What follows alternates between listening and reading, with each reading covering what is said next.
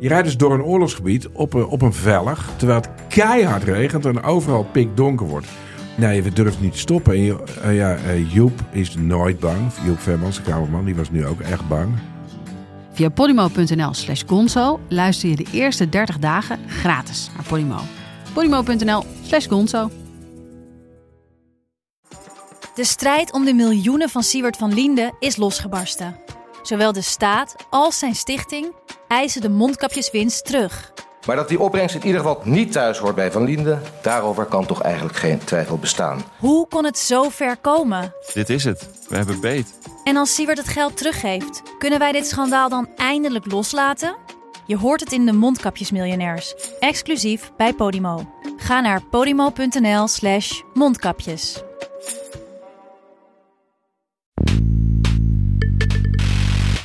Kan me eigenlijk bij u helemaal niet voorstellen dat er eh, boze woorden uit uw mond komen. Nou, meestal weet ik me ook redelijk goed te beheersen. Maar eh, eh, ik heb inderdaad in deze onderhandelingen twee keer gehad dat ik ben ontploft. En, dat, en de twee keer dat ik ben ontploft had alles te maken dat ik vond dat ik oneerlijk, klinkt heel raar, dat ik unfair werd behandeld. En, en da- daar kan ik dan heel slecht tegen. Dit is Betrouwbare Bronnen met Jaap Jansen.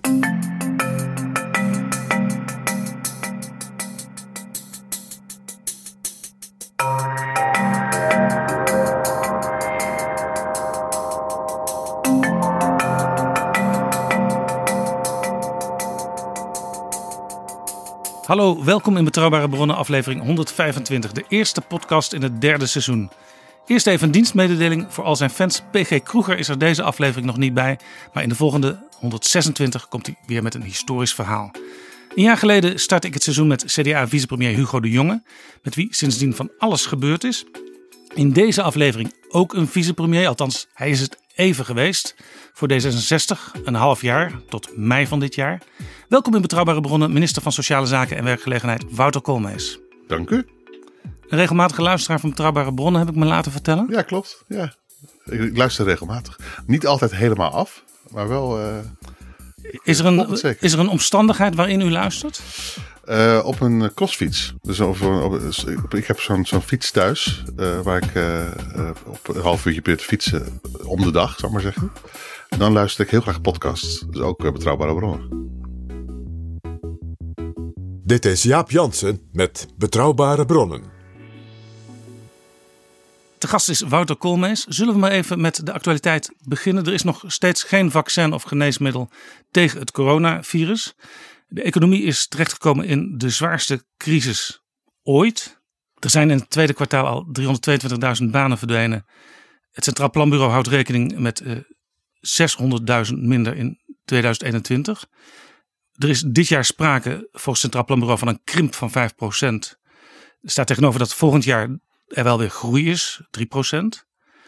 En u bent in het kabinet de man die de ellende opvangt en voor heel veel mensen verteerbaar moet maken.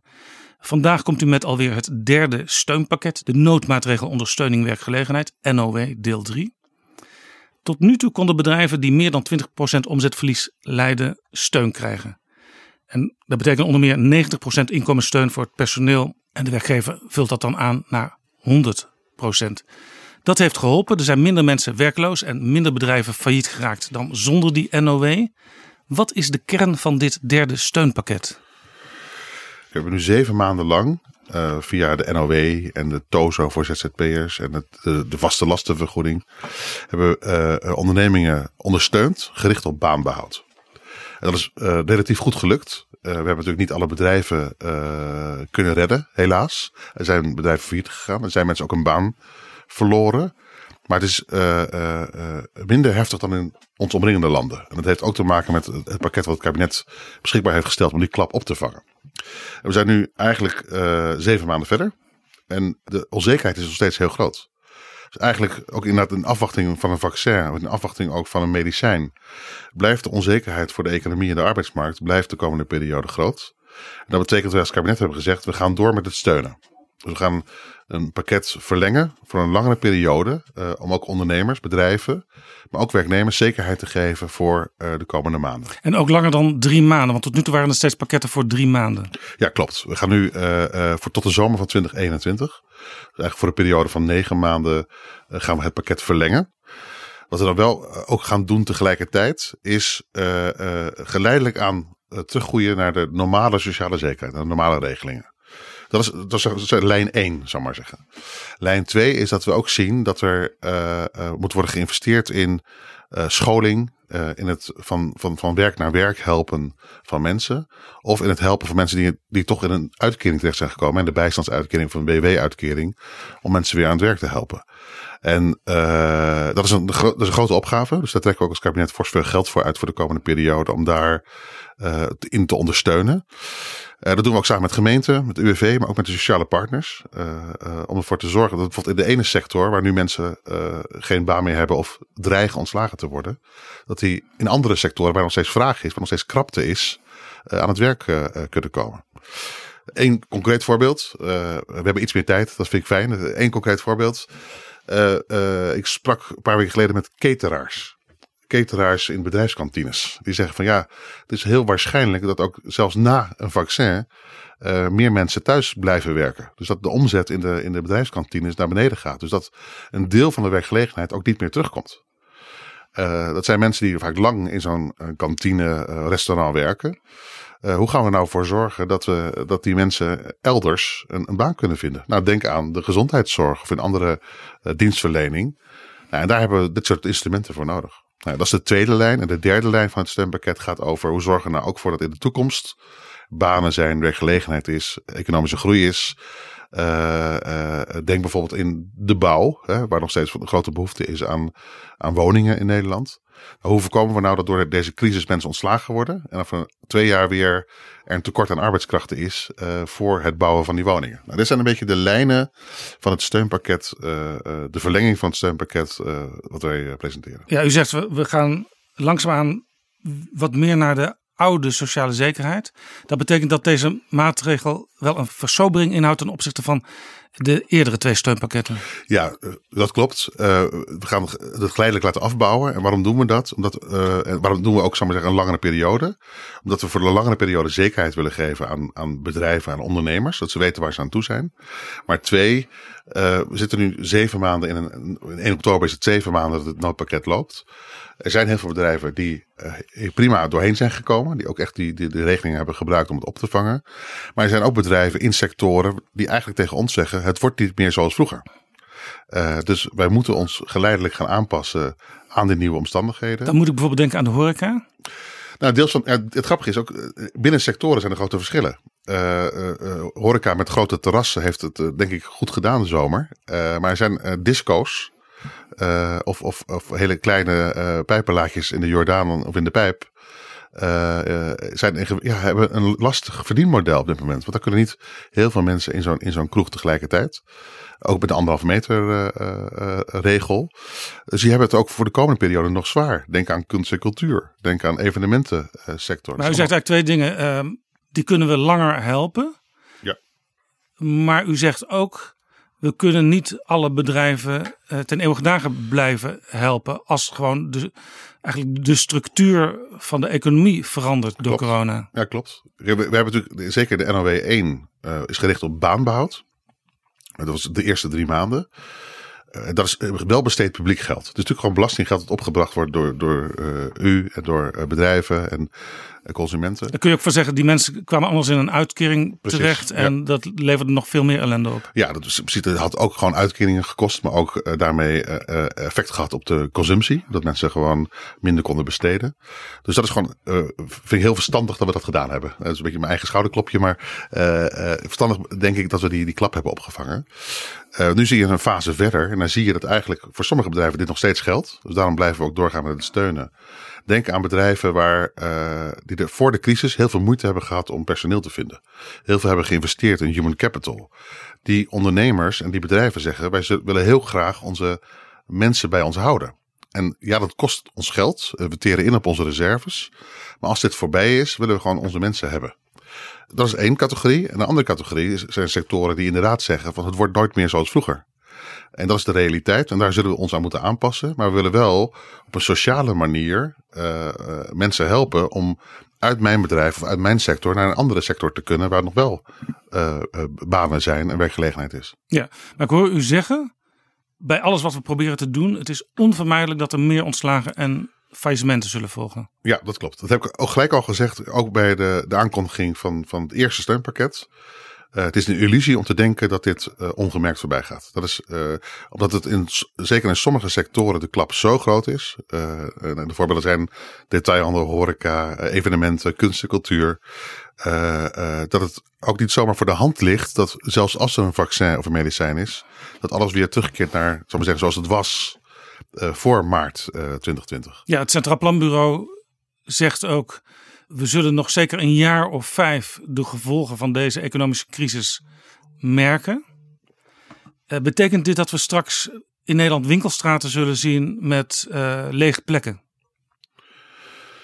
Nee, dat hoop ik niet. En, en daar ligt ook wel een verantwoordelijkheid, niet alleen voor de Rijksoverheid, maar ook voor de lokale overheden. Maar laat ik dit voorbeeld pakken. Eh, dat is natuurlijk niet een nieuwe trend. Dit was ook al aan de gang eh, voor corona. Eh, zeker in detailhandel zag je dat er eh, steeds meer via internet gaat. Eh, en dat er daarmee sommige winkelstraten in, in steden leeg kwamen te Ja, staan. dat proces is alleen maar versneld. Precies, en dat gaat nu, dat gaat nu heel hard. Hè? Want als je ziet, eh, wat, wie zijn de winnaars, c- cynisch gezegd, van de coronacrisis? Dat zijn bijvoorbeeld de, de, de internetbedrijven.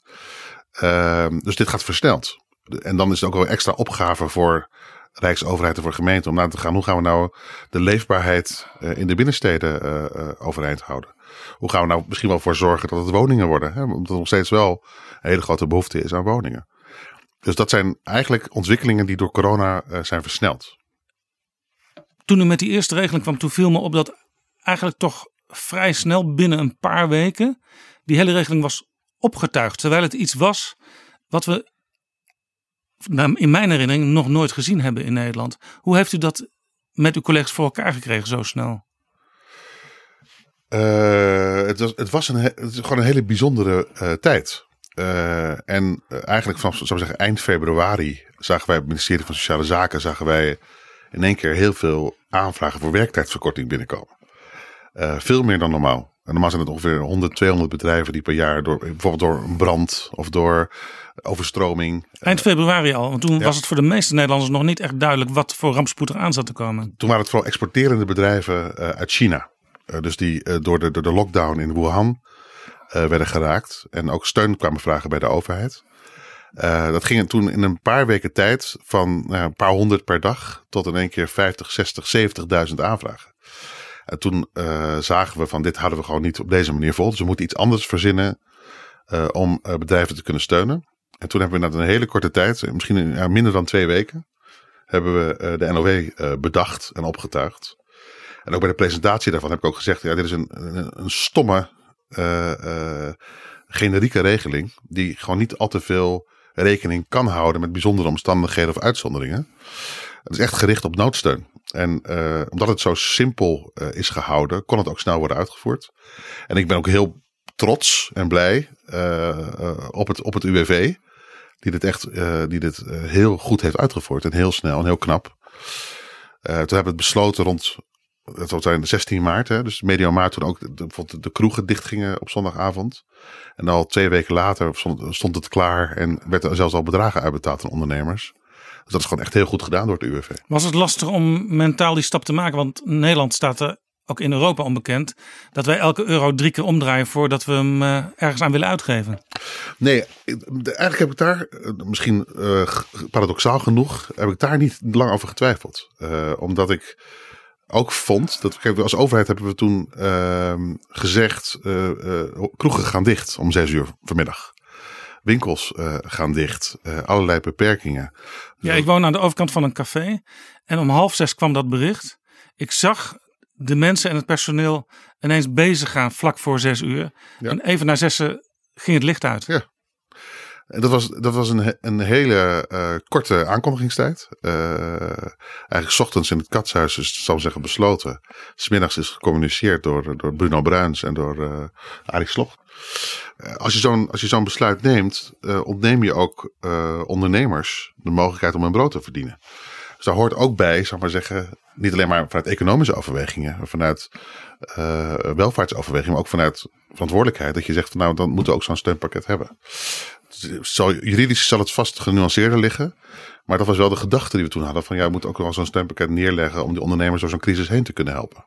Ja, in deze periode richting Prinsjesdag uh, heeft het kabinet ook altijd over koopkrachtplaatjes. Nou zag ik uh, de cijfers van het Centraal Planbureau. En daar blijkt eigenlijk uit dat in 2000, voor 2021, waar het kabinet dan over praat, de koopkracht weliswaar uh, stuk daalt. Maar dat elke groep nog steeds wel op een plusje zit. Enkeling gepensioneerden de nullijn, maar de meeste zitten wel op een plusje. Valt dat u mee gezien de omstandigheden?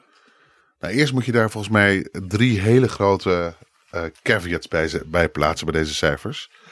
Dat één, de onzekerheid is gigantisch. Ook het Planbureau zegt dat zelf natuurlijk ook. Staplanbureau heeft twee scenario's nu. Eén, zal maar zeggen, het scenario wat u net beschreef over min 5% in 2020 en plus 3% in 2021. Maar ook een scenario dat als de, de coronacrisis langer vasthoudt, uh, of er een tweede golf uh, zou komen, dat het dan eigenlijk nog erger wordt. Dus dan, dat dan de werkloosheid oploopt naar 10%. Dus daarmee zie je al dat de, de, de onzekerheid veel groter is dan bij normale ramingen van, van het Centraal Planbureau. Dat is één. Twee is, dit zijn wat dan heet statische koopkrachtplaatjes. Dus het veronderstelt dat je je baan behoudt, dat je uh, je, je functie behoudt, dat er eigenlijk niet zoveel verandert in, je omstandigheden.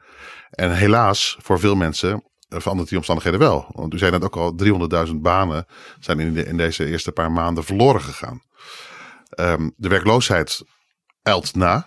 Dus die, die, die reageert, de arbeidsmarkt reageert altijd vertraagd op, op economische cijfers. Uh, dus de, uh, de onzekerheid daarin is gewoon groot.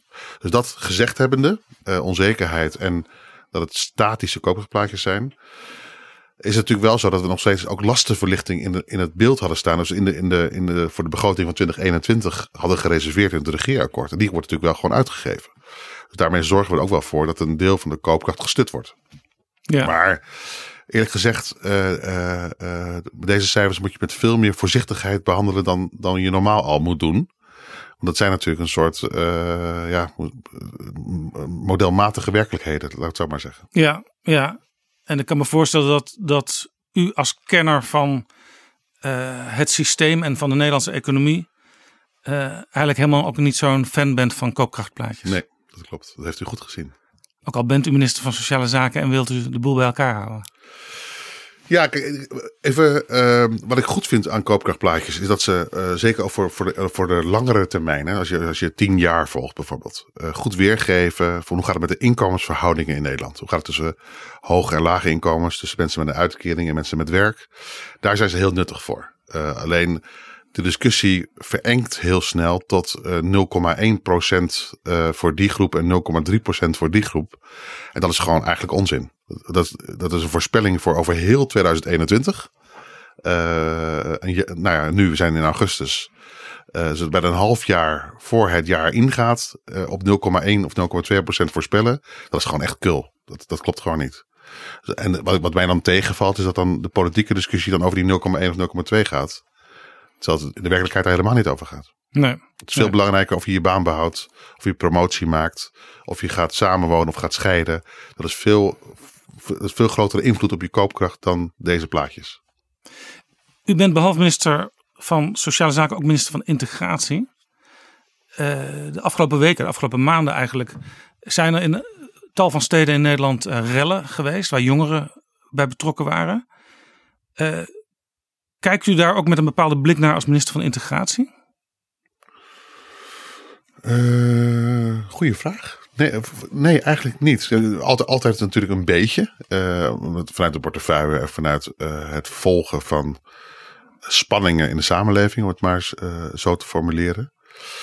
Als je iets langer kijkt, als je iets de grotere lijnen in ogenschouw neemt, zie je dat het met de integratie eigenlijk heel erg goed gaat de laatste paar jaar. Ook zeker voor corona.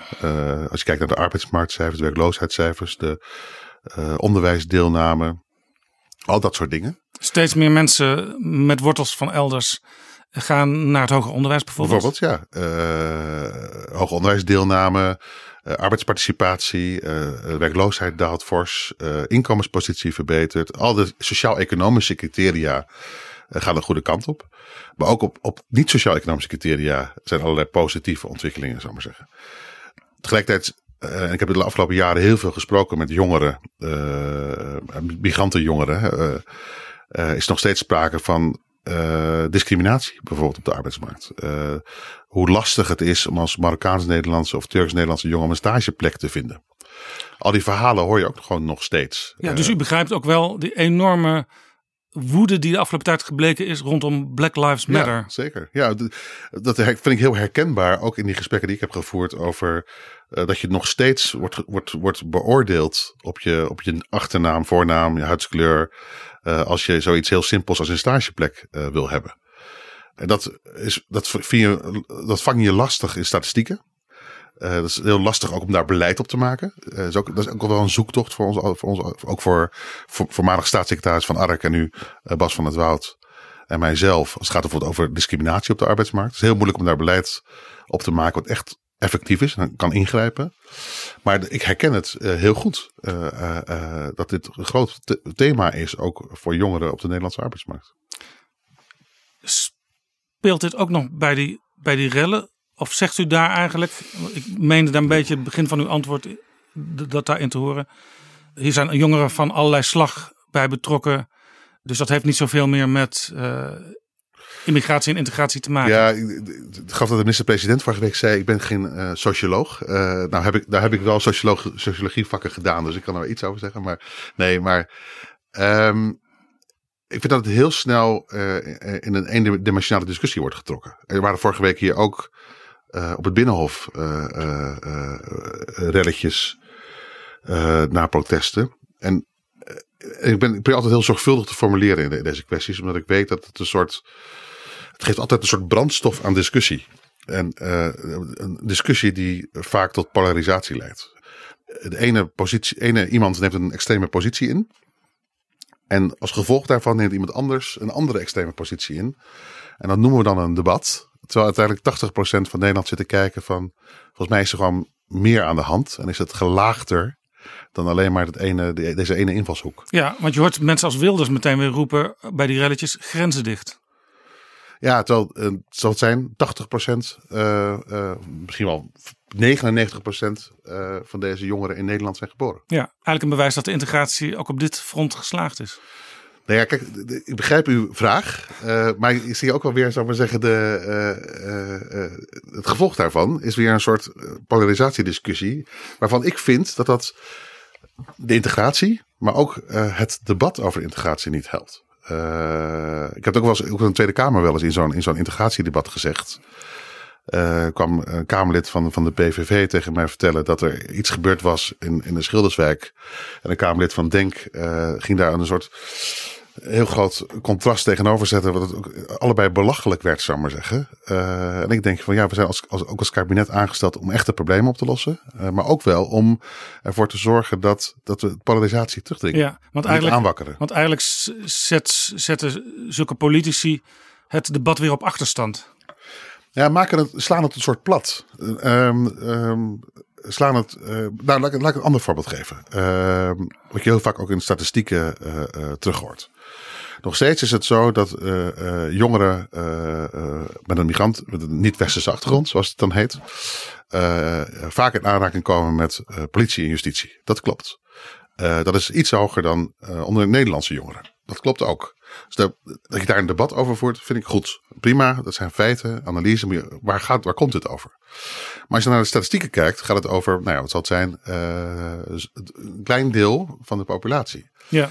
Sterker nog, Peter Hein van Mulligen was onlangs de gast in Betrouwbare ja, Bronnen. heb gehoord. Heel leuk Directeur van ja. het uh, CBS, Centraal Bureau ja. voor de Statistiek. En hij zei, uh, het percentage, met name jongens van uh, niet-westerse afkomst, dat nu met politie in aanraking komt, is lager dan het percentage jongens van Nederlandse afkomst tien jaar geleden. Ja, ja, ja, jaren 80, 90. Ja. Ja, ja. maar dat, dat, dat, dat is ook interessante, eh, zijn interessante vergelijkingen.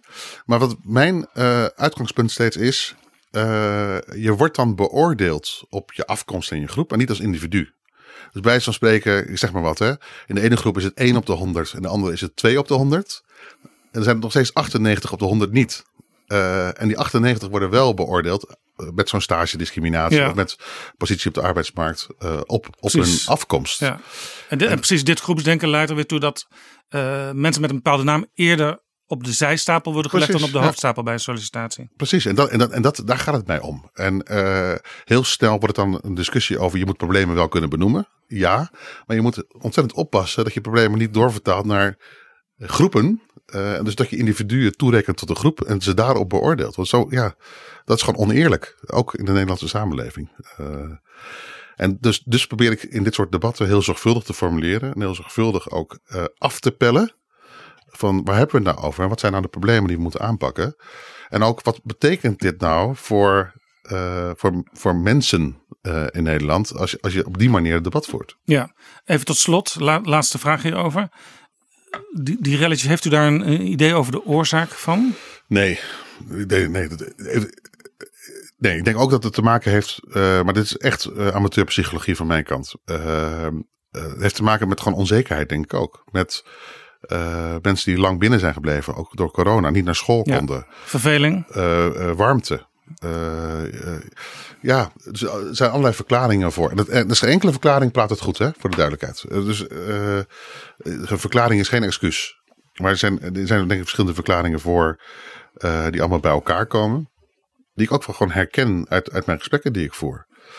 Eh, er is gewoon heel veel onzekerheid. Niet alleen bij, bij jongeren, maar ook bij, bij, mensen over de corona en over hun baan. En over het feit dat ze maanden thuis hebben gewerkt. Wat ook een soort mentale belasting heeft gegeven voor veel mensen. Ja. Dus dat, dat begrijp ik heel goed. ja. Dit is Betrouwbare Bronnen. Een podcast met betrouwbare bronnen. Even naar u persoonlijk, u was eh, topambtenaar op financiën. U bent zeven jaar Kamerlid geweest. Ik wil altijd wel lachen met de topambtenaar. Ja. Nou ja, ambtenaar, hoge ambtenaar. Ja. Ehm, u bent nu bijna vier jaar minister. Wat heeft u tijdens dat ministerschap geleerd? Zijn er misschien dingen anders geweest dan u van tevoren dacht? Jeetje. Daar heb ik echt oprecht nog nooit over nagedacht. Dat vind ik, dat vind ik zomaar- die, die ruimte om daarover na te denken eh, ontstaat pas na deze periode, ben ik bang. Ja, misschien, misschien kan ik de vraag anders eh, Ja. stellen. Ik weet dat u een enorme fan bent van de tv-serie Yes Minister Ja. en Yes Prime Minister. U u kent zelfs hele eh, stukken uit uw hoofd. Niet, nou, niet zo goed als, eh, als de minister-president, maar Gaat het in werkelijkheid op zo'n ministerie echt zo toe? nee. Nou, eh, nee, absoluut niet. Eh, en dat kan ik volmondig zeggen, omdat ik zelf inderdaad ook ambtenaar ben geweest. Ik heb in 2003 tot 2010 op het ministerie van Financiën gewerkt. U wist het eigenlijk al. Eh, ik, ik ken wel hoe de ambtelijke processen. Weet, ik weet hoe de ambtelijke processen gaan. En ik, en ik eh, heb ontzettend veel bewondering voor eh, de Nederlandse ambtenarij. Qua eh, professionaliteit en deskundigheid. En ook eh, hoe hard er wordt gewerkt. Eh, niet alleen nu in coronatijd, maar ook in, in andere Ja. tijden. En, en het idee van Yes Minister is dat daar is een, in dat geval wel zeker een topambtenaar die steeds bij de minister is. Ja. En die probeert eigenlijk zoveel mogelijk de status quo te handhaven en zo min mogelijk veranderingen te Ja, en, voor- en, provoceren. voor- vooral, zijn, vooral zijn eigen agenda door te drukken. Ja. Eh, maar dat, eh, ik vind het hilarisch. Ik moet er heel hard om lachen. En er zijn, er zijn natuurlijk hele mooie eh, afleveringen over politiek heel interessante thema's. Eh, eh, zoals bijvoorbeeld Europa en, en toen. Dit is uit de jaren zeventig, hè, de Yes-minister. De Euro Sausage. Precies, ja. maar ehm, wat wil ik nou zeggen? Ik ben even afgeleid. Eh, dus ik vind het briljante eh, televisie. Ehm, maar de werkelijkheid is ook, ook in Nederland echt anders. De, de- de ambtenaren zijn zo loyaal, zo deskundig. En ook veranderen ook qua opvatting natuurlijk niet, ja, niet zelf mee, maar nemen wel de opvattingen van, het, van de coalitie of van het kabinet en van de minister, van de bewindspersoon, gewoon mee in hun advisering. En dat, dat, dat, ja, dat gewoon, is gewoon knap, dat is gewoon goed. En daar moeten we ook trots op zijn en daar moeten we ook zuinig op zijn. Is er niet één klein dingetje uit Yes Minister wat toch bijna letterlijk gebeurd is in uw periode? U hoeft geen namen te noemen. Nee, ja, nee, oh, nee. Moet je gaan vergelijkingen gaan maken. Nee, nee, nee dat, dat, dat, vind ik, eh, eh, zou ik niet zo 1, 2, 3 op kunnen komen. Wat ik vooral zelf heel echt hilarisch vind, is, zal maar zeggen, hoe politiek omgaat met, eh, met thema's. Eh, en in de beeldvorming. Hè? Dus zeker de, de, de, de minister, uit Yes Minister, is natuurlijk continu bezig met beeldvorming. Eh, en dat vind ik heel geestig. Dat mislukt, mislukt namelijk altijd bij hem. Heeft u veel last van beeldvorming? Nee, volgens mij, dat is volgens mij niet. Ehm, nee, maar dat moeten anderen maar. Dat vind ik moeilijk om vanzelf te zeggen. Dat moeten anderen maar beoordelen, eigenlijk. Dit is Betrouwbare Bronnen. U bent van D66, dat is een partij die eigenlijk in de loop van de geschiedenis niet heel veel op heeft gehad met het poldermodel. Maar je zou toch misschien, als het over u gaat, kunnen zeggen dat u een aantal cruciale beslissingen deze periode niet heeft kunnen nemen zonder die polder. Wat, wat, ik, wat ik zelf heel geestig vind, of grappig, eh, is inderdaad, D66 staat niet bekend als partij als grote liefhebber van de polder. Eh, maar er zijn ook een aantal D66'ers die altijd de afgelopen 10, 15 jaar wel een grote rol hebben gespeeld in die polder. Denk aan Alexander Rinnerkan, als voorzitter van de SER. Ook als Wiebe Draaier, eh, ook als voorzitter van de SER. Het heeft denk ik ook wel te maken met dat je probeert om met elkaar het algemeen belang te vinden. Ja, ja. Over dat algemeen belang ge- gesproken, want ik ben ook een beetje op zoek naar de methode Koolmees. Eh, Nederland is tien jaar bezig geweest met een nieuw pensioensysteem. Dat is een aantal keren vastgelopen. Eh, onder uw ministerschap is het er uiteindelijk gekomen. Er zijn ook nog wel een aantal hikken geweest voordat het echt er was. Hoe, hoe lukt dat? Want al die maatschappelijke factoren heb je nodig en die spreken elkaar heel vaak tegen in zo'n proces. Wat, wat bij de pensioenen echt heel lastig was en is, is dat er ontzettend veel partijen eh, betrokken zijn. Eh, je hebt natuurlijk niet alleen maar eh, de politieke partijen, en ook in deze periode de coalitie, maar ook de oppositiepartijen. Waar bijvoorbeeld bij de oppositiepartijen natuurlijk ook een, een sterker link zit, bijvoorbeeld naar de vakbeweging. Partijen als GroenLinks en, en, en de Partij van de Arbeid natuurlijk, maar ook de SP. Dus dat is, dat is ingewikkeldheid één. Dat maakt dat als je bijvoorbeeld met de vakbeweging een eind op steek bent, dat je je er ook nog wel even van moet van vergewissen of de partijen die daar heel erg nauw aan verwant zijn, Ja. dit ook meemaken. Nou, dat, dat is ook de reden bijvoorbeeld waarom het in de eerste fase niet lukte. Eh, dat was voor de provinciale statenverkiezingen. Omdat toen ook gewoon te veel onduidelijkheid was over de politieke krachtsverhoudingen. In, het, in de, toen de Eerste Kamer, hè, provinciale staten ging over Die verkiezingen Kamer. zaten eigenlijk in de weg. Ja, die zat eigenlijk in de weg. Eh, toen die verkiezingen waren geweest, was het ook politiek eh, makkelijker om een soort gezamenlijkheid te vinden over. Ook, ook met partijen, eh, niet alleen de coalitie, maar ook met de Partij van de Arbeid en met GroenLinks en met de SGP bijvoorbeeld. Van dat zijn eigenlijk ontwikkelingen eh, op de langere termijn waar we iets mee moeten. Want anders gaat het fout met ons Ja. mooie En dan pensioenstelsel. kwam op een gegeven moment kwam Lodewijk Asscher met een, met een papiertje en daar stond eigenlijk al het hele voorstel wat hem betreft op. Dan kunt u denken, ja dat is fijn, want dan weet ik waar ik aan toe ben. Maar u kunt ook denken van, ja, waar bemoei je je mee? Want ik ben met een heel ingewikkeld proces bezig. Ja, maar eh, eh, ik vond het fijn dat de, de heer Ascher eh, naar voren stapte en daar ook, ook wel zijn verantwoordelijkheid nam. Want dit is natuurlijk een onderwerp wat, wat al, al tien jaar lang, waar tien jaar discussie over is. Wat ook al onder kabinetten met de Partij van de Arbeid in het kabinet natuurlijk een belangrijk thema was. Ja. En het gaat over iets heel belangrijks. Het gaat over het inkomen na pensionering van mensen. Dus het is ook, het is ook, niet, het is ook een groter, eh, een groter eh, punt of probleem dan alleen maar deze kabinetsperiode. Het is echt voor de komende decennia. Maar dat, even, dat, dat, is, dat is, ik was te beschrijven, dat is, dat is één, hè? eh, coalitie, oppositie. En dan heb je ook nog vakbeweging. En binnen de vakbeweging zijn ook nog eh, allerlei eh, eh, kleuren eh, beschikbaar, zou ik maar zeggen.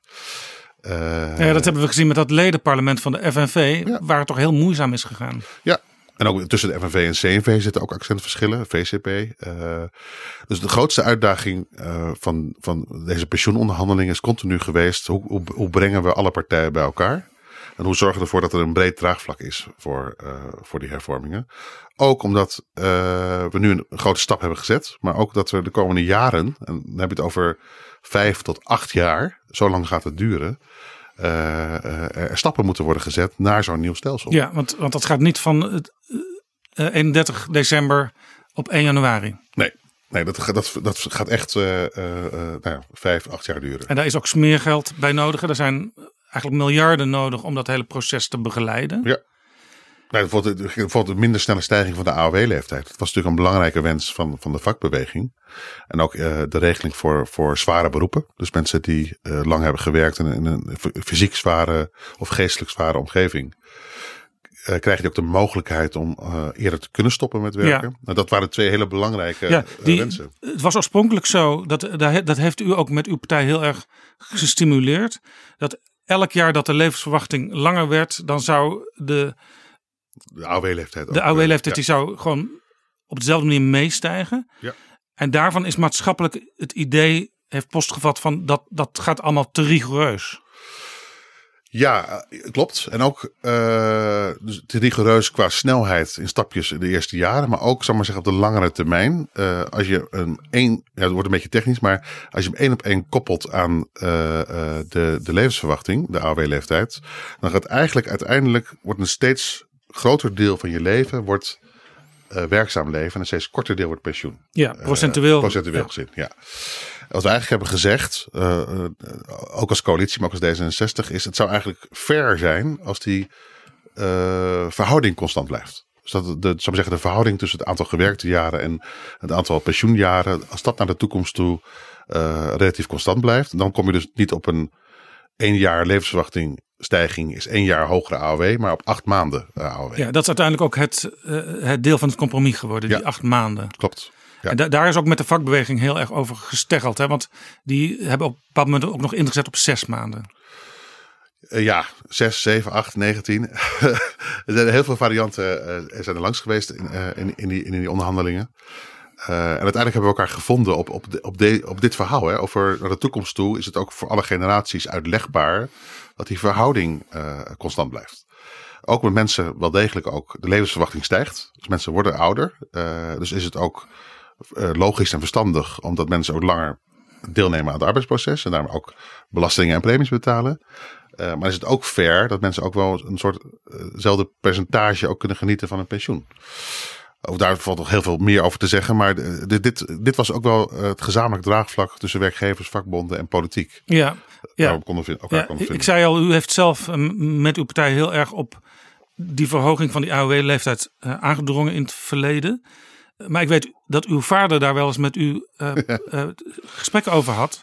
Want hij zat juist voor die pensionering en hij zag het ineens allemaal verdwijnen, dat perspectief wat hij had. Ja. Nou ja, en nog veel, veel uh, uh, uh, groter dan dat. Even, mijn vader heeft heel zijn leven, bijna heel zijn leven bij de LET gewerkt in Rotterdam, de Rotterdamse elektrische tram.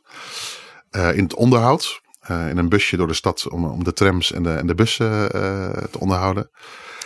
en komt uit een tijd dat mensen op 57, 58 jaar, zal ik maar zeggen, met de fut gingen. hij is geboren in 1950. Dus hij had een verwachting dat hij ook op 58, 59 uh, met, met ja. FUT zou gaan. En die FUT is ook door uw partij als eerste een beetje voor gepleit om dat af te schaffen. Hè?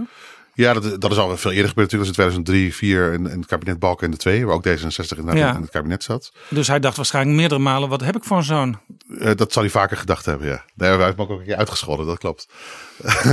nou, uitgescholden, eikel genoemd. Maar, uh, maar uh, ik begrijp heel goed vanuit zijn perspectief, en daarom kan ik me daar ook wel gewoon goed in, in, in inleveren, denk ik. Van dat gedurende zijn werkzame leven de, de, de doelpalen zijn verschoven. Als je dus, hij, was op, hij is op zijn zestiende begonnen met werken in de bouw. Zij had op een gegeven moment ook wel gevoel van ja, als ik straks 40 jaar heb gewerkt, is het ook wel mooi geweest. En door de afschaffing van de FUT bijvoorbeeld, en doordat de, de, de, de, de, de AOW-leeftijd uh, in de tijd, had hij heel erg het gevoel van ja, ik heb geen grip meer op wanneer mag ik nou stoppen. Dus dat, dat punt heb ik altijd heel goed begrepen. Wat de ingewikkeldheid steeds was, is hoe kun je een onderscheid maken? Hoe kun je een onderscheid maken tussen uh, iemand die 40, 50 jaar heeft gewerkt, fulltime in een zwaar beroep. Ja. Versus iemand die dat. Ja, je moet bij wijze van spreken heel erg individueel gaan kijken. Ja. En dat is eigenlijk niet te doen voor een algemene regel. Nee, het is ook de algemene ouderdomswet. Het is voor iedereen, ook voor mensen die niet gewerkt hebben. Uh, is het inkomen uh, na pensionering. dus het is een algemene regel. En dus is het heel moeilijk om, om, dat, om dat voor elkaar te krijgen. Maar het punt begrijp ik heel goed. En dat is misschien ook wel het punt geweest waar ik ook de vakbeweging kon vinden. Van ja, eh, eh, ik be- ik begrijp jullie wens en ik begrijp ook jullie gevoel. Maar hoe kunnen we nou voor zorgen samen dat we het ook handen en voeten kunnen geven? Hoe kunnen we nou voor zorgen dat het ook uitvoerbaar is en betaalbaar en ook, ook echt helpt? Nou, en dan, dan kom je op zo'n eh, regeling eh, die we uiteindelijk hebben uitonderhandeld. En daar ben ik best wel trots op, zeg ik Ja, eerlijk. ja. U, uw vader heeft u wel eens een eikel genoemd. Ja. Ik begrijp dat in het proces van onderhandelen, eh, met name ook één keer toen u in een hele warme eh, onderhandelingskamer zat en nou ja, eh, de temperatuur steeg aan alle kanten. eh, dat er toen ook wel ook, ook door u gevloekt is. Ik kan me eigenlijk bij u helemaal niet voorstellen dat er eh, boze woorden uit uw mond komen. Nou, meestal weet ik me ook redelijk goed te beheersen. Maar eh, eh, ik heb inderdaad in deze onderhandelingen twee keer gehad dat ik eh, ben ontploft. Eh, en, dat, de- en de twee keer dat ik ben ontploft had alles te maken dat ik vond eh, dat ik oneerlijk, klinkt heel raar, dat ik eh, unfair werd behandeld. En, eh, en dat, daar kan ik dan heel slecht tegen. Eh, maar meestal lukt het redelijk goed om het te beheersen. Unfair in de zin van, ik heb toch zo mijn best gedaan om alle overwegingen mee te nemen en om iedereen zijn deel te geven. Ja, dat is precies dat goede samenvatting. Het, gaat, het ging over een gigantisch pakket, een grote belangen. En over, eh, ook voor de, voor de overheidsfinanciën, eh, grote effecten. Uh, structureel 7 miljard aangepast. Dat zijn natuurlijk gigantische bedragen die wel weer uiteindelijk opgebracht moeten worden door de belastingbetaler of door, door minder uit te geven. Dus het heeft consequenties. Ja. En dat is natuurlijk, dat hoort er ook bij. En die, en die, die, die, die consequenties moet je meewegen in je besluitvorming. Niks is zomaar gratis of zomaar te doen of makkelijk eh, te financieren. Het gaat over gigantische bedragen. Heeft u, heeft u veel steun gehad in de periode aan Mariette Hamer, die vaak ook bij uh, gesprekken betrokken was? Ja, heel veel steun. Zij was ook de gast in Betrouwbare Bronnen en zij vertelde... Ja, soms moest ik dan partijen die verhit tegenover elkaar stonden... toch weer even uh, zeggen van ja, okay, nu kan het blijkbaar niet... maar sta wel open voor verdere gesprekken, misschien over enkele maanden. Ja. En zodat dat in ieder geval alvast zeg maar, in potlood in de agenda stond. Klopt. En daar heeft mevrouw Hamer een hele grote belangrijke rol in gespeeld. Uh, ook om ervoor, te zorgen dat. Uh, kijk, omdat deze onderhandelingen over pensioenen al tien jaar lopen, zit er ook nu al een soort uh, verleden op en een soort belasting op. Misschien dat u nog weet, 2011, 10 was er ook een, een, een pensioenakkoord.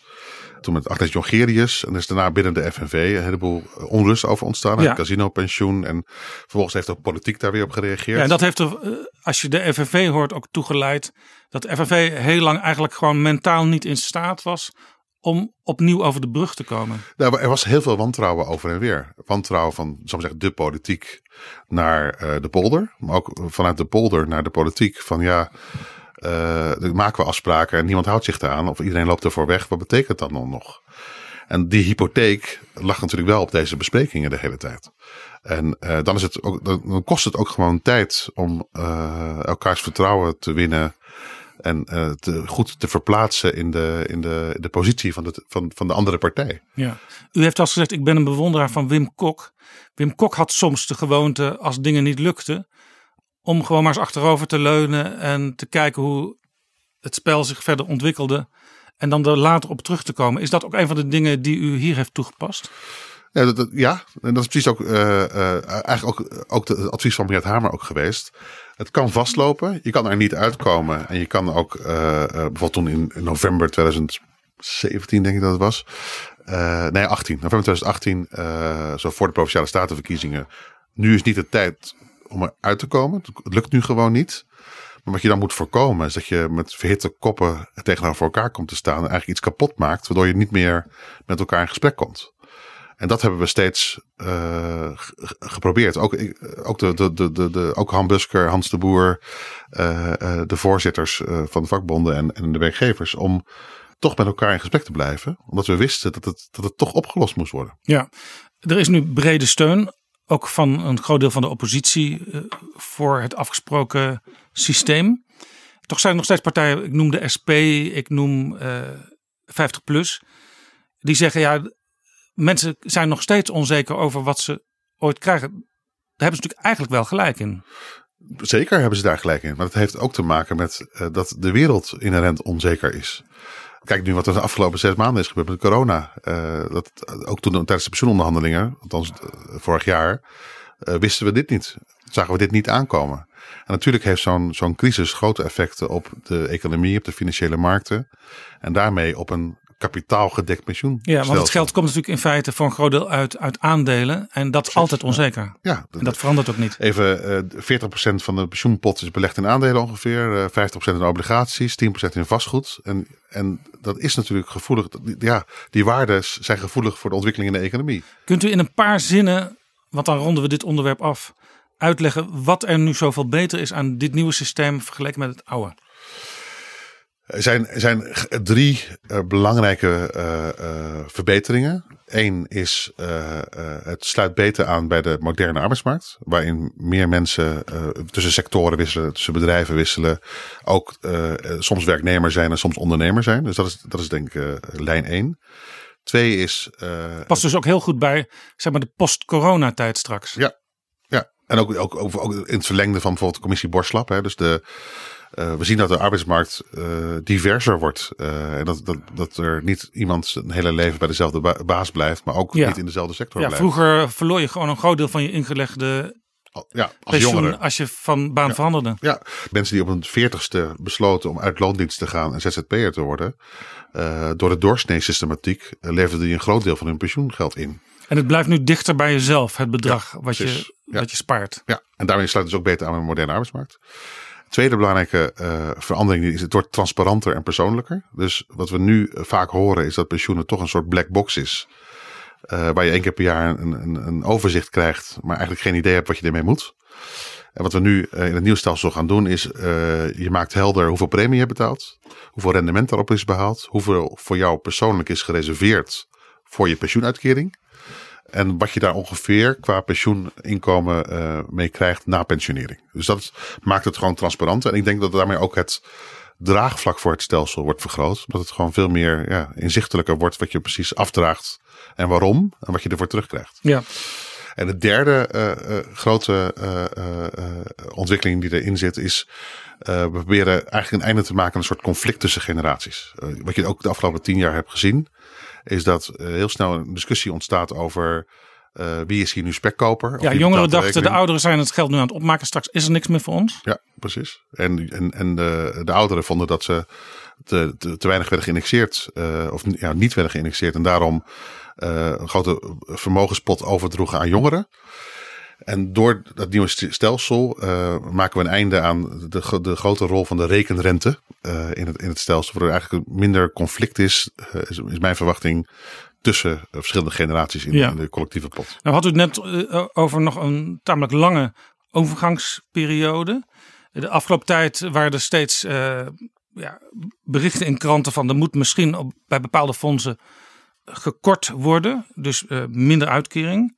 Eh, nou zijn er een aantal grote fondsen, waaronder het ABP, die een hele lage dekkingsgraad hebben op dit moment. U heeft al een soort van overgangscoulance daarvoor eh, ingevoerd. Hoe lang kunt u dat volhouden?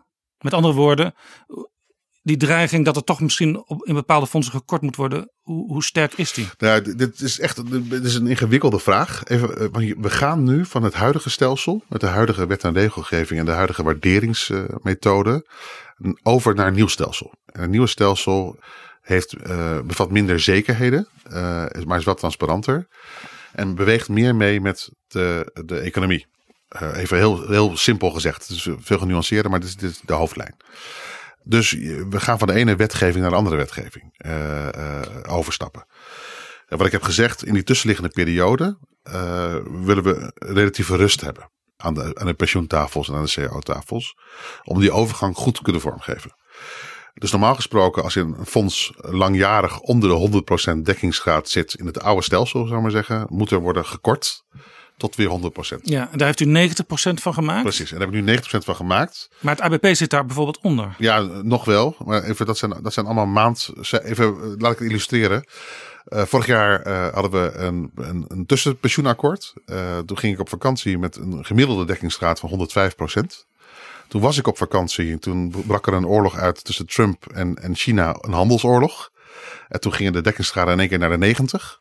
Aan het eind van het jaar in december eh, waren ze weer terug op 99. Nee, oké, het verschilt Dus- van maand tot maand. Maar we zitten nu in de diepste crisis die we ons kunnen heugen. Ja, en tegelijkertijd zien we dat bijvoorbeeld de laatste paar weken de aandelenmarkten wereldwijd weer eh, fors omhoog gaan. Maar dat de rente eh, op overheidsobligaties fors naar beneden gaat. Door ook bijvoorbeeld eh, ruim monetair beleid door de ECB, de, de, de Bank of Japan, de eh, Federal Reserve de Verenigde Staten. Dus alle monetaire autoriteiten zorgen er ook voor dat de rente laag blijft. Dat heeft ook weer effect op bezittingen, maar ook verplichtingen van pensioenfondsen. Dus zo'n maandcijfer, eerlijk gezegd, zegt me niet zo heel veel. Zorgt wel elke maand weer voor onrust in de klantenkoppen en dat soort punten. Maar het gaat meer over de lange termijn. En waarom heb ik gezegd, in afwijking van de regel van normaal 100%, doen we nu 90%. Is omdat ik eh, enerzijds zie dat we naar een nieuw systeem gaan. Met andere regels waar andere eh, eh, maatstaven voor gelden. Maar ook wil voorkomen dat, dat, dat zien we ook in landen om ons heen. Dat als de dekkingsgraad te ver zakt, dat het bijna onmogelijk is om weer terug te keren. En blijft die 90% regel die hele overgangsperiode gelden? Eh, nou, wij, moeten bij de, eh, samen met sociale partners, samen met de vakbonden en werkgevers, eh, bij de wet, waar nu heel hard aan gewerkt wordt, eh, gaan we een transitiepad maken. Een transitiepad van hoe komen we van de huidige set regels en waardering naar een nieuwe set waardering en, en regels. En, daar zit, zal maar zeggen, de, de overgang in. En, en dat probeer ik eigenlijk begin volgend jaar proberen we dat samen af te ronden. Ja, en dit afsluitend. Je moet niet steeds naar die eh, tussentijdse eh, percentages kijken. Maar als aan het eind van het jaar eh, fondsen onder de 90% zitten, ja, dan kan er niet anders dan gekort worden. Ja, en zelfs dan eh, eh, gaat het over eh, een korting tot 90% uitgesmeerd in de tijd. Daar is 10 jaar de tijd voor wordt genomen. Dus, het, wordt heel snel gedaan alsof het een soort zwart-wit of een 0-1 situatie is. En dat is natuurlijk gewoon niet de realiteit. Maar dus een, zeg maar, een individuele pensioengerechtigde. dat gaat dan om enkele tientjes of zo misschien? Ja, of misschien wel minder of meer. Maar even, daar- ik wil er niet over speculeren. Dat is Ja. het belangrijkste. Omdat elke keer weer- het leidt tot heel veel onrust. En, en we, we, zien dat er, dat er best wel fluctuatie zit in, in die dekkingsgraden. En we zien dat ook de verschillen heel groot zijn. Ja. Eh, er, zijn heel, er zijn inderdaad ABP en ook de PFZW, dus de zorgfonds, staan er relatief slecht voor. Eh, maar een heleboel andere fondsen zitten ruim boven de 90 of zelfs boven de 100. Ja. Dus het is ook een soort, ja, de, de, de heterogeniteit is in de pensioenfondsen is gewoon heel erg groot. Nou heeft u een mooi nieuw pensioensysteem bedacht. En Nederland stond al bekend omdat wij het goed geregeld hadden, sowieso. In de Europese Unie eh, wordt ook gewerkt aan sociaal beleid. U bent ook regelmatig eh, in Brussel om erover te praten. Daar wordt ook naar die Nederlandse pensioendiscussie gekeken. Eh, is misschien een idee dat Nederland als een soort exportproduct dat pensioen ook aan anderen gaat, eh, gaat uitleggen? En, en, en helpen om zo'n systeem op te zetten? Ja, dat, dat, dat gebeurt heel veel al. Hè? Er zijn veel eh, landen die in Nederland komen kijken hoe hebben wij ons pensioen ingericht. Niet alleen in Europa, maar ook wereldwijd. Eh, ook, ik ben een paar keer bij de G20 geweest. Waar ook heel veel interesse is in het Nederlandse pensioenstelsel. Omdat wij een combinatie hebben van omslag, hè, dus de AOW. Wat gewoon betaald wordt uit de lopende belastingen. En kapitaaldekking, dus een spaarpot voor de toekomst. Terwijl heel veel andere landen eh, dat niet hebben. Heel veel andere landen, ook in Europa, hebben een, een, een- wat dan heet een pay-as-you-go systeem. Dus een omslagsysteem. Duitsland, Frankrijk. En zien nu eigenlijk ook dat eh, door, door vergrijzing, door demografische veranderingen, dat het voor de lange termijn eh, heel moeilijk vol te houden is. Dan zeg ik altijd tegen ze, de kapitaalmarkt is ook niet altijd heel erg blij, want die is weer heel erg afhankelijk van de rente. Dus, maar wij hebben een combinatie gekozen in Nederland van omslag en kapitaaldekking. En daarom hebben we denk ik een heel bijzonder en goed systeem. En daarom ook, ook in onze, onze, eh, onze hervormingsvoorstellen houden we daaraan vast. Ja, Om dat eh, in stand te houden. Want dat heeft ons wel gebracht tot de top 1 of top 2 beste pensioenstelsels in de wereld. Ja. Is het denkbaar dat, dat het ooit eh, naar het Europese niveau ge- getild wordt, het hele systeem? Uw, uw partij, D66, is altijd voor meer Europese samenwerking. Nee, dat, dat, dat geloof ik niet. Omdat dus de verschillen in de pensioenstelsels zo groot zijn. En Nederland heeft met 15, 1600 miljard euro aan pensioenvermogen zoveel gespaard voor de pensioenen. En andere landen hebben dat niet gedaan op deze manier. Maar tegelijkertijd is de, eh, bijvoorbeeld in Italië is bijvoorbeeld het staatspensioen niet zo heel hoog. Maar zijn de private besparingen, de individuele besparingen wel relatief hoog. Want mensen toch willen sparen voor hun oude dag. Dat doen ze dan niet via een pensioenfonds of niet via een collectieve regeling, maar gewoon zelf uh, door uh, af te lossen op de, op de hypotheek bijvoorbeeld. Ja, ja. waar dus, Italië sterk in is, is Nederland zwak in, zou je kunnen ja. zeggen. Want ons wordt weer verweten uh, dat wij de hypotheekrenteaftrek nog steeds torenhoog hebben en dat we dat versneld moeten afbouwen. Ja, dat, dat, nou, dat is typisch zo'n paradoxale discussie. in Nederland is, is de, de publieke schuld, dus de staatsschuld, relatief laag. Hebben heel veel pensioenvermogen in ons pensioenfondsen zitten. Maar zijn de private schulden, uh, dus hypotheek bijvoorbeeld, zijn relatief hoog. In Italië is de staatsschuld heel hoog. Uh, maar zijn uh, de private besparingen ook heel hoog. Dus je moet altijd een beetje door, zal maar zeggen, de stelsels heen kijken. Om echt te zien hoe zo'n land ervoor staat. Dus maar, wat, ik, wat de tweede lijn is, wat ik net, net over begon. als ik met mijn Europese collega's spreek over pensioenen uh, is, valt wel altijd op hoe bijzonder Nederland is qua het poldermodel. Uh, in heel veel Europese landen is natuurlijk continu strijd. Stakingen. Frankrijk heeft drie maanden stil plat gelegen vanwege stakingen over het pensioenstelsel. En dan kijken ze wel voor bewondering over hoe we in Nederland werkgevers, vakbonden. En bent u op zo'n moment ook een beetje een ambassadeur voor dat poldermodel? Uh, ja, ik, ik, leg het ook, ik verkoop het ook, zal maar zeggen. Maar uh, het hangt wel ontzettend af met, met ook culturele en met tradities in een land. Uh, bijvoorbeeld Frankrijk heeft veel meer traditie van centrale overheidssturing. En echt conflicten tussen werkgevers en vakbonden. Wij hebben gewoon een, een poldermodel. We hebben een, een model waar door overleg, door heel langdurige onderhandelingen samen uh, vooruit te komen. Ja, en als mensen willen weten hoe, hoe werkt dat, dan kunnen ze bij u terecht. um, u bent in uw vrije tijd bent u hoofdauteur van, van het nieuwe D66 verkiezingsprogramma. Dat is deze week bij het partijbestuur van, de, van D66 ingeleverd. U bent goed geïnformeerd. daar staan twee hoofdlijnen in die ik even met u wil bespreken. De ene is we bouwen de economie opnieuw op. En de andere is we vinden de overheid opnieuw uit. uh, wat is er niet goed aan de economie zoals die nu functioneert? Nou, boe. Um, ik ga één, één, uh, één ding uithalen. Want er, valt veel meer over te zeggen, maar ik ga één voorbeeld geven. Um, kijk, het kapitalisme, om zo maar te zeggen, de, de, de, de vrije markt heeft heel veel welvaart opgeleverd en heel veel uh, inkomens opgeleverd. Maar we zien ook dat een ongebreidelde vrije markt ook leidt tot het risico op machtconcentraties. Monopolies of uh, kleine clusters van grote bedrijven ja. die. De Monopolies denken we bijvoorbeeld ook aan Facebook, bijvoorbeeld, ja, Google, ja. dat soort ondernemingen. Big data, grote medicijnen. ondernemingen. Waarvan er heel veel in China zitten. Bijvoorbeeld. en als zo'n machtsconcentratie, zo'n marktconcentratie leidt tot, zomaar maar zeggen, overwinsten. Maar ook dat nieuwe toetreders geen kans krijgen, dan werkt het niet meer.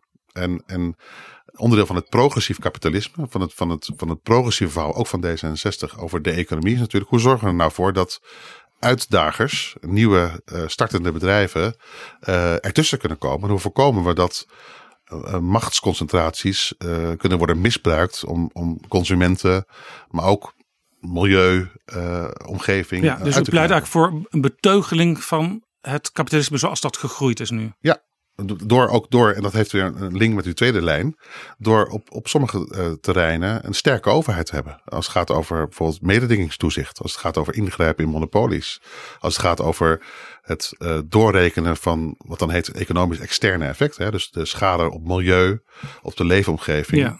Uh, die niet uh, in de prijs van een product is ja, verwerkt. Groeiende ongelijkheid ook. Ja, dat, dat, is, weer, dat is echt wel een, een taak van de overheid uh, natuurlijk uh, uh, om dat te voorkomen. Nederlands D66 heeft natuurlijk al heel lang de, de lijn, ook sinds ik Kamerlid ben geweest ook, uh, de, we moeten iets doen aan de groeiende tweedeling. Ja. Tweedeling in kansen ja. uh, op de arbeidsmarkt, uh, in, in inkomen, maar ook in ontwikkeling. Ja. door scholing natuurlijk altijd. Ja, in inkomen. De fractievoorzitter van uw partij heeft in zijn Kerdijk-lezing gezegd... we moeten toch mensen met veel vermogen wat hoger aanslaan, wat hoger belasten. Ja. Maar het, het verkiezingsprogramma komt eind september. En dan ga ik dat overhandigen aan de, de dan bekend zijnde lijsttrekker. Ook die, die, die verkiezing loopt natuurlijk nu nog. Hè? Dus tussen Sigrid Kaag en Tom Visser. En dan kan ik alle details uh, toelichten. Uh, maar eerst ik heb het, is het inderdaad nu aangeboden aan, aan het landelijk bestuur van de partij. En die uh, moet daar eerst een zegje over doen. Nog even, we vinden de overheid opnieuw uit. Er is natuurlijk veel onvrede over de overheid. Er is ook ja, een, een, een heel schril uh, voorbeeld eigenlijk met uw eigen staatssecretaris Menno Snel. Die heeft moeten aftreden over de Belastingdienst. Hoe verklaart u die algemene onvrede die bij veel mensen is over de overheid? Uh, ik denk dat het. Uh, je had het inderdaad een terecht voorbeeld uit. Ik heb het zelf ook meegemaakt met een uitvoeringsorganisatie UWV. Eerlijkheid gebied te zeggen, dat heb ik ook wel eens eerder gezegd. de afgelopen jaren is er, afgelopen tien jaar, is er te veel bezuinigd op de overheidsuitvoering. Eén. En twee, we hebben te veel gedacht dat via internet of via elektronische dienstverlening het efficiënter en beter kon. En dat werkt niet, zien we. Zeker niet bij mensen die uh, een kwetsbare positie hebben. De menselijke kant is een beetje uit het systeem verdwenen. Ja, de, de, de menselijke maat, maar ook, de, de maar ook, paradox, ook paradoxaal genoeg, de, de vakmanschap van mensen bij de Belastingdienst en de UWV heeft minder ruimte gekregen. Dus de combinatie van die twee factoren heeft ertoe geleid dat uh, voor heel veel van die loketten geldt dat uh, er geen menselijke maat wordt getroffen. En dat de, de overheid uh, een soort afstand creëert. En waar de, de, regelingen bedoeld zijn om wat mensen uit, uit armoede te helpen. Of inkomensondersteuning te geven. Of te helpen met het vinden van een nieuwe baan. Leidt het in sommige situaties tot schulden, problemen. Ja. En, en een soort Kafkaeske gevoelens van dat ik nergens ja, terecht En in kan. de toeslagenaffaire hadden heel veel mensen ook het idee dat de overheid hen niet vertrouwde. Precies. En, en daar zit in de, in de toeslagenaffaire evidente voorbeelden van. Uh, maar het, het, omgekeerde bijna is bij het UWV in 2018 ook gebeurd met uh, de WW-fraude. dus dan, uh, het is eigenlijk in de uitvoering en dit soort grote regelingen is het continu een balans proberen te vinden tussen enerzijds handhaving en tegengaan van fraude. Want er wordt altijd geprobeerd om fraude te doen met sociale zekerheidsregelingen, met toeslagen. Maar dat is één kant. De andere kant is de dienstverlening en de menselijke maat. En die tweede hebben we uh, met z'n allen de afgelopen tien jaar, dus niet, niet, van het laatste jaar, dus langer aan de gang. Uh, daar hebben we het weinig belang aan gehecht. En uh, in het kabinet mag ik mij verantwoordelijk voor de uitvoering. ben ik daarvoor verantwoordelijk gesteld, voorzitter daarvan. En zijn we nu bezig om juist langs die menselijke maat, langs meer uh, persoonlijk contact, om, om, om, om plannen te maken voor hoe, hoe brengen we dat weer terug in, in de grote uitvoeringsorganisatie. En dat gaat niet van vandaag op morgen, want het, het gaat uh, over hele ingewikkelde ICT-systemen. Het gaat over ingewikkelde wet en regelgeving, ook complex uh, in, in de praktijk. Maar ik vind dat wel een grote opgave voor, voor de overheid voor de komende jaren, om, daar, om daarmee door te gaan. En die menselijke maat weer terug te vinden. Ja, trekt, trekt het hele politieke landschap eigenlijk een beetje naar links op dit moment. Want ook in de VVD en het CDA zijn ze aan het kijken uh, naar de uitwassen van het kapitalisme, naar de rol van de overheid. Je, je ziet het in meer partijen. Uh, ja, en ik denk dat het ook al aan de gang was voor corona. Uh, maar ik denk dat corona ook wel er meer op gewezen heeft. En ook het belang daarvan heeft laten zien. Denk aan het belang van de noodpakketten waar we met het gesprek mee begonnen. De NOW bijvoorbeeld. De steun voor ondernemers en bedrijven om de loonkosten door te kunnen betalen. Daar zie je dat hoe belangrijk het is om goede uitvoeringsorganisaties te hebben in Nederland. En gelukkig hebben we die. Hè? Even, het UWV heeft hier een briljante prestatie uh, neergezet. Alleen we moeten wel ook ervoor zorgen dat naar de toekomst toe dat overeind blijft. En die menselijke maat wordt gevonden. Uh, en dan zie je ook hoe belangrijk een overheid is in dit soort onzekere economische tijden. Ja. Straks kabinetsformatie. De vorige kabinetsformatie zat u aan tafel met Alexander Pechtold. Alle zeven maanden, ja. Kans is nu natuurlijk aanwezig dat u weer aan tafel zit en dan met uh, lijsttrekker Sigrid Kaag. Moet dat weer zeven maanden gaan duren? Of laat ik de vraag anders stellen. Hoe gaat u ervoor zorgen dat het wat sneller is deze keer? En uw uh, lijsttrekker Kaag heeft al gezegd. Ik wil helemaal geen uh, dichtgetimmerd regeerakkoord meer. Um, ik, vind het, ik vind het heel moeilijk om hier antwoord op te geven. Want, uh, ik denk uit dat, ervaring? Uit ervaring, ja. Ik denk dat, dat er heel veel partijen, zeker nu, hè, baat hebben bij een, een, een snel formatieonderhandelingen om snel aan de slag te kunnen in deze toch economisch, maatschappelijk onzekere tijden. En uh, tegelijkertijd ben ik ervaren genoeg om te weten dat uh, de kans heel groot is dat er vier, misschien wel vijf partijen straks nodig zijn om meerderheden bij elkaar te vinden in de Tweede en de Eerste Kamer. En dat als er meer partijen bij betrokken zijn, wordt ook de puzzel ingewikkelder om te leggen. Want alle partijen natuurlijk hun eigen standpunten, idealen en, en, en prioriteiten hebben. Dus mijn ervaring is van de afgelopen tien jaar uh, want ik heb natuurlijk niet alleen maar de formatieonderhandeling gedaan, maar ook bijvoorbeeld het lenteakkoord uh, in 2012 en de, de begrotingsakkoorden van 2014 gedaan. Dat hoe, hoe meer partijen aan tafel zitten, hoe groter de behoefte is om gedetailleerdere afspraken te maken. Dus het streven zal er zeker zijn. Maar of dat makkelijk gaat worden, daar ben ik nog niet zo hoopvol over. Tot slot, wat laat u achter als minister voor uw opvolger? Waar moet die prioriteit aan geven?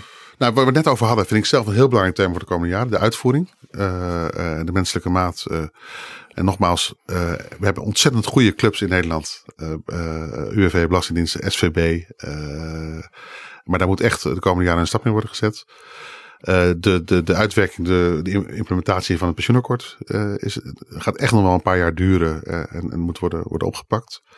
En een laatste thema waar ik zelf gelukkig een paar stappen in heb kunnen zetten, maar waar we nog niet klaar zijn, is, is uh, het advies van de commissie Borslap ja. over de toekomst van de arbeidsmarkt. En, en, gaat u dat zelf nog doen of denkt u nou, ik wil wel weer eens iets anders gaan doen? Daar uh, denk ik over na en dan kom ik later op terug. En uh, kunt u ons een klein beetje helpen in dit proces? Waar, waar, waar gaat, waar, wat zijn de tussenstappen?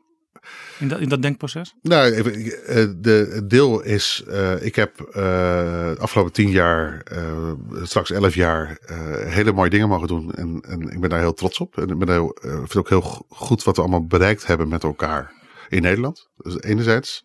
Anderzijds, ik heb twee jonge kinderen. En, Hoe oud? acht en vijf. Uh, en die hebben uh, mij altijd uh, aan het werk gezien, zou maar zeggen. Dus dat zijn de, de dat zijn de twee dilemma's die op tafel liggen.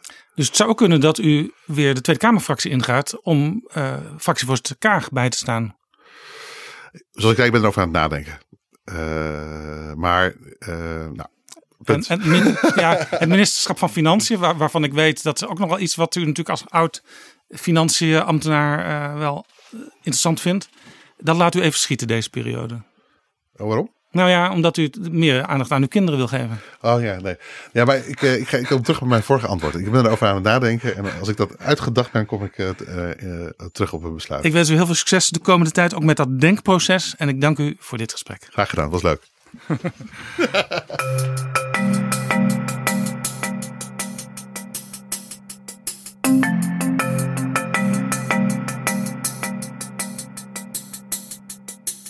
Zo, dit was Betrouwbare Bronnen aflevering 125. Fijn om weer terug te zijn na de zomerstop.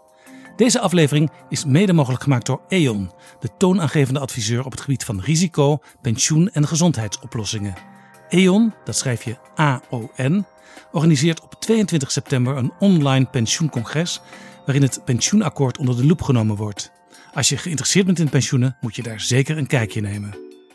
Deze aflevering is ook mede mogelijk gemaakt door We Nederland en door donaties van luisteraars via de website vriendvandeshow.nl/slash bb.